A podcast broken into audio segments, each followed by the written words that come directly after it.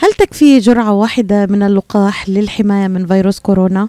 نستضيف هذا الصباح الدكتور زاهر سحلول أخصائي الأمراض الصدرية والعناية المشددة ورئيس منظمة ميد جلوبال الإنسانية ونطرح عليه أسئلة مهمة حول لقاحات فيروس كورونا ما مدى فعالية جرعة واحدة من اللقاحات المضادة؟ هل يستغرق اكتساب المناعة وقتا؟ هل فعالية اللقاحات واحدة. ما هي السلالات الجديدة لمرض كورونا وكيف نشأت؟ ماذا نعرف عنها حتى الآن؟ هل يمكن تفادي الإصابة بأخذ اللقاح؟ وأسئلة أخرى طبعا. آه الوقت نتمنى أن يكفي لطرح كل هذه الأسئلة. ونعد أنفسنا أن تكون إطلالات الدكتور معنا. آه دكتور زاهر معنا آه لمتابعة هذه الحوارات الهامة في آه صحة وحياة. صباح النور دكتور زاهر. صباح الخير اخت ليلى وصباح الخير لكم المستمعين. أهلا فيك دكتور يعني الموضوع الساعة لقاحات فيروس كورونا ما مدى فعالية الجرعات وجرعة واحدة من اللقاحات المضادة؟ هل له تأثيرات جانبية؟ هل إذا ما أخذت الجرعة الثانية ممكن إنصاب بفيروس كورونا؟ هل انخفضت بداية أعداد الإصابات اليوم استمعت إلى تقرير من ولاية ميشيغان أن الأعداد فعلا بدأت بالانخفاض يعني الإصابات المسجلة وعدد المصابين الذين يتجهون إلى المشافي بسبب إصابات فيروس كورونا ما هو الوضع الآن في الولايات المتحدة الأمريكية دكتور زاهر؟ بالنسبة أسئلة كلها مهمة الحقيقة وبعضها يعني لا زال يعني ليس لدينا الجواب الشافي أو الكافي بسبب تغير العلم بحسب الدراسات الموجودة. مثل ما بنعرف هذا فيروس لا زال جديد وكل يوم في دراسات جديدة تطلع حول الفيروس وتأثيره واللقاح وتأثيره خاصة أنه في عدة أنواع من اللقاحات. بإختصار الجواب على السؤال الأول أنه هل تكفي جرعة واحدة من اللقاح؟ في معظم الناس نعم. وهذا ولكن هذا لا يعني أنه لا لا يجب أن أخذ اللقاح الجرعة الثانية بسبب انه الدراسات التي يعني أجريت على اللقاحات موجودة حاليا في الولايات المتحدة الأمريكية إلا لقاح الجونسون أند جونسون أجريت بجرعتين يعني الفايزر والموديرنا وعملوا الدراسات عملوها بجرعتين. والدراسات تبعتهم أظهرت إنه بعد الجرعة الأولى يعني بعد ثلاث أسابيع من الجرعة الأولى آه لأنه بيحتاج الجسم مشان يصير في عنده مناعة على الأقل أسبوعين لثلاث أسابيع. حوالي 65% من الناس صار عندهم في مناعة آه ضد الفيروس. 65% مم. أي شيء فوق ال 50% جيد باللقاحات. ولكن بعد إعطاء الجرعة الثانية آه في اللقاحين ارتفعت النسبة من 65% ل 95% يعني الناس اللي ما صار عندهم مناعة بالجرعة الأولى بعد الجرعة الثانية صار عندهم مناعة. طيب سؤال ممكن يخطر دكتور يعني عم يخطر ببال الكثيرين يعني أنا مثلا الجرعة الثانية بعد ثلاث أسابيع هل ممكن أن نصاب بكورونا خلال هذه الفترة؟ نعم. آه لأنه الجسم يحتاج إلى عدة أسابيع حتى يصير عنده مناعة حوالي الأسبوعين لثلاث أسابيع. فبعد الجرعة الأولى في عندك أسبوعين الجسم لساته ما عنده مناعة ضد الفيروس. الحقيقة صارت مع عدة ناس بعرفهم إنه أخذوا الجرعة الأولى وصار عندهم إصابة بالفيروس خلال عدة أيام بعد الجرعة الأولى بسبب إنه ما صار عندهم مناعة. ولكن الإصابة اللي صارت عندهم كانت يعني إصابة خفيفة. هذا يدل حتى إنه لو ما صار مناعة كامله ولكن يعني الاصابه بالفيروس قد تكون مخففة. أيضا بعض الناس ممكن ما يصير عندهم مناعة حتى بعد إعطاء اللقاح. يعني وقت عم نحكي نحن على فعالية اللقاح 65% أو 70% أو 95% ما 100% يعني في عندي قسم من الناس راح يصير عندهم إصابة بالفيروس حتى رغم إعطاء اللقاح بسبب إنه ما صار عندهم مناعة. ولكن الشيء المطمئن إنه هدول الناس اللي صار عندهم إصابة باللقاح رغم بالفيروس رغم إعطاء اللقاح كانت الاصابه تبعيتهم خفيفة. لم يدخلوا إلى المشفى لم تحدث عنهم وفاة. فهذا شيء مطمئن. الأمر الثالث طبعا اللي ذكرتيه أنت إنه موضوع السلالات الجديدة. والحقيقة هذا أمر خطير يعني جدا. دكتور يعني آه قبل, قبل أن نتحدث عن السلالات الجديدة جاءني عدة أسئلة مرتبطة باللقاحات نفسها يعني وانواعها يعني هناك من يقول إنه آه فايزر آه نسبة المناعة في ناخذها 50% أو 60% موديرنا أعلى. في ناس بيقولوا لك لا هل هل يعني اللقاحات يعني في واحد أفضل من الثاني الكل يتساءل حول هذا الموضوع. حسب كله طبعا هذا من الناحيه العلمية. ما في شيء هون. نعم. يعني آراء. يعني الدراسات اللي أجريت الدراسات الثالثية اللي يسموها المرحلة الثالثة اللي أجريت على آلاف الناس. حوالي 40000 بفايزر 30000 بموديرنا أسترازينيكا حوالي 30000 جانسون أند جانسون نفس الموضوع. وقت بنقول نحن اللقاح فعال 95% بس مشان الواحد يعني يفهم كيف وصلنا لهالرقم يعني أعطينا اللقاح ل 1000 شخص و1000 شخص ما أعطيناهم اللقاح أعطيناهم مي وملح أو بلاسيبو. وبعدين راقبنا هالمجموعتين هدول ال 2000 شخص لمدة شهرين أو ثلاث أشهر. آه فحوالي 100 منهم مثلا انصابوا بالمرض انصابوا بالفيروس. آه من هدول ال 100 إذا كان فعالية اللقاح 95% 95 اللي ما أخذوا اللقاح وخمسه من اللي أخذوا اللقاح. فهيك بنحسب نحن 95% آه الفايزر والموديرنا فعاليتهم بعد الجرعة الثانية 95% اللي هي فعالية جيدة جيدة جدا جدا جدا. يعني فقط 5% ممكن ينصابوا بالمرض. يعني ما وصل دكتور الأخبار المضللة إنه إنه فايزر آه، فعاليته 52% وموديرنا 95% آه، والعكس صحيح. وبعض اللقاحات آه، لأنه مصدرها روسي أو صيني أو ليست فعالة. يعني هذا تحديدا ما وصلنا من الأخبار المضللة. ولذلك يعني وجودك معنا وإطلالتك معنا دائما لها يعني مصداقية لدى المستمع حول هذه الأخبار المضللة. التي تنتشر حول اللقاحات دكتور. طبعا للأسف في هناك يعني أهداف كثيرة من تضليل آه، الناس ويعني إعطاء المعلومات الكاذبه حتى اللقاح الروسي يعني الدراسة الأخيرة أنا المرة الماضية ذكرت إنه ما عندنا معلومات عن اللقاح الروسي. بس الحقيقة الأسبوع الماضي نشر دراسة آه، في مجلة علمية موثوقة اسمها لانسيت حول اللقاح الروسي وأظهرت فعاليته 91% 91% الحقيقة فعالية جيدة جدا. آه، ويعني يعني مشابهة للفايزر والموديرنا فعالية الجونسون أند جونسون اللي هو لقاح جرعة وحدة بالمناسبة. هذا آه الجرعة الوحيده فعاليته حوالي 80% أقل من الفايزر وأقل من آه، الموديرنا فعالية لقاح الأسترازينيكا كمان حوالي 80% آه، كمان أقل من الفايزر والأسترازينيكا. آه، في لقاح جديد آه، طالعته شركه اسمها نوفا فاك فعاليته كمان حوالي 80% آه، بس بالنسبة للناس اللي مصابين بالسلالة الجديدة بجنوب أفريقيا فعاليته أقل. فكل لقاح له فعالية معينة نسبة معينة حسب الدراسات. بس كل كله فوق كل لقاح فعاليته فوق ال 50% جيد. يعني بنعرف نحن لقاح الإنفلونزا بناخذه كل سنة. لقاح الإنفلونزا فعاليته حوالي 55% فقط ورغم ش... ورغم هيك بناخذه كل سنة لأنه بيحمي من الإنفلونزا اللي ممكن تؤدي أيضا إلى الوفاة عند المسنين وعند الناس اللي عندهم اضطرابات في المناعة وأمراض مزمنه.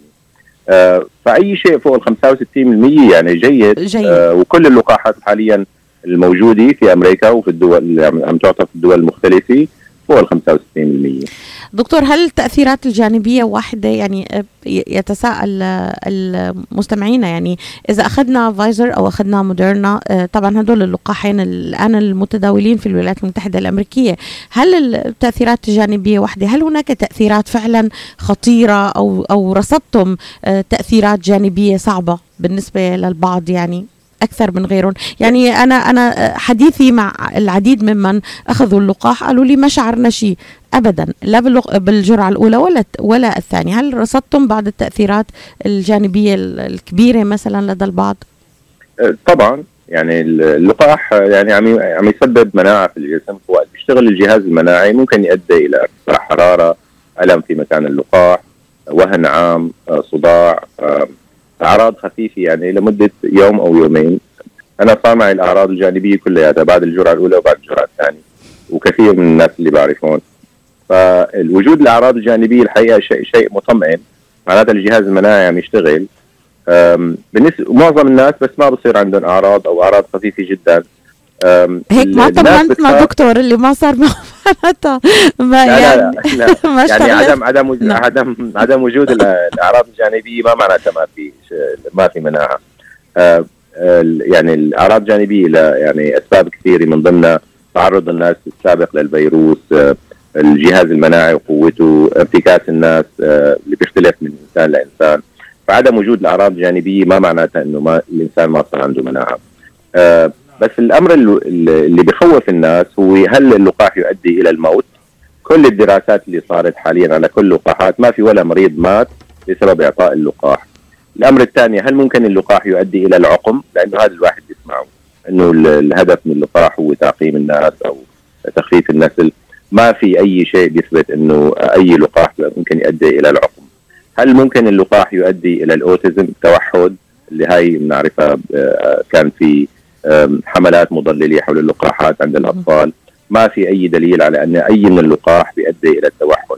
هل أي من اللقاح ممكن يؤدي إلى سرطانات مثلا أو السكري أو أمراض ثانية مزمنة مناعية؟ لا يوجد أي دليل على أي من اللقاحات يؤدي إلى التاثيرات الشديده آه طيب ممكن الواحد يقول لك طيب بركي ظهر الاختلاط بعد ست شهور أو بعد ست سنوات اللقاحات كلها ما صار ثلاث اشهر الدراسات السابقة السابقة كلياتها على التأثيرات الجانبية للقاحات أظهرت إنه التأثيرات الجانبية الشديدة إذا بدها تظهر بتظهر بأول 45 يوم بعد اللقاحات. وكل اللقاحات حاليا المثبتة في أمريكا وفي الدول الغربية ودول العالم التجارب أجريت عليها واستنوا ثلاث أشهر على الأقل قبل ما يعني يعطوا ترخيص للقاح.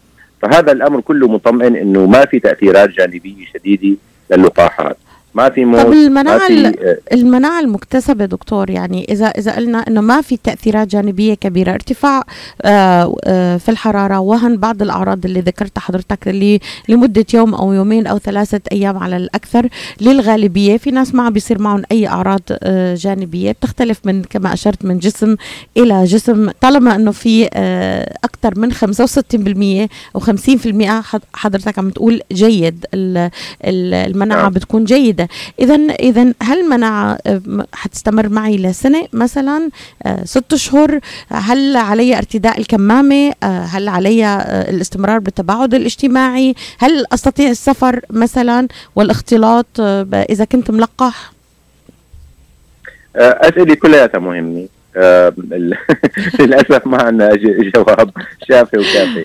يعني اللي بنعرفه إنه اللقاح تأثيره المناعة المكتسبة من اللقاح أقوى من المناعة الطبيعية المكتسبة بعد المرض بعد المرض. يعني إذا الإنسان انصاب بالمرض آه بصير عنده مناعة طبيعية وإذا أخذ اللقاح بصير عنده مناعة مكتسبة.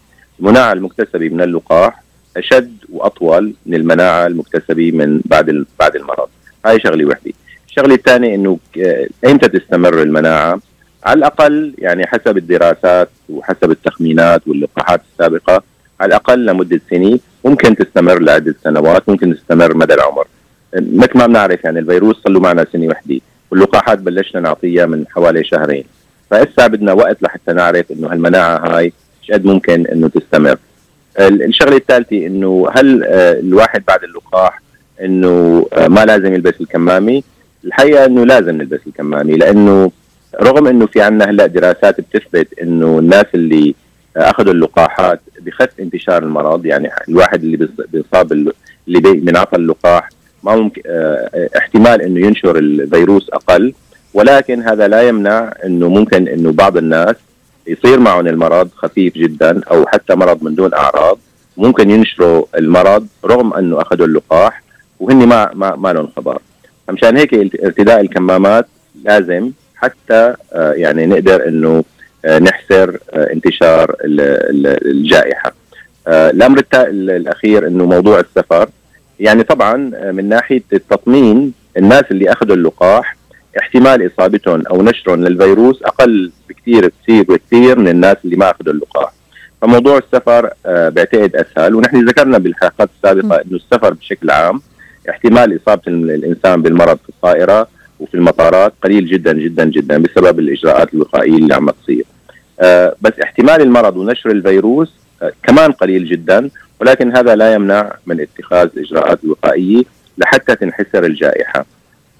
يعني هاي الأمور كلها مهمة بس في عندنا دراسات عم تطلع كل عدة أسابيع كل أيام بتعطينا يعني تطمين أكثر أو ممكن تنبهنا لأمور ما بنعرفها حول آه، تأثير اللقاح، مناعه اللقاح والسلالات الجديدة اللي عم تسألي عليها هلا.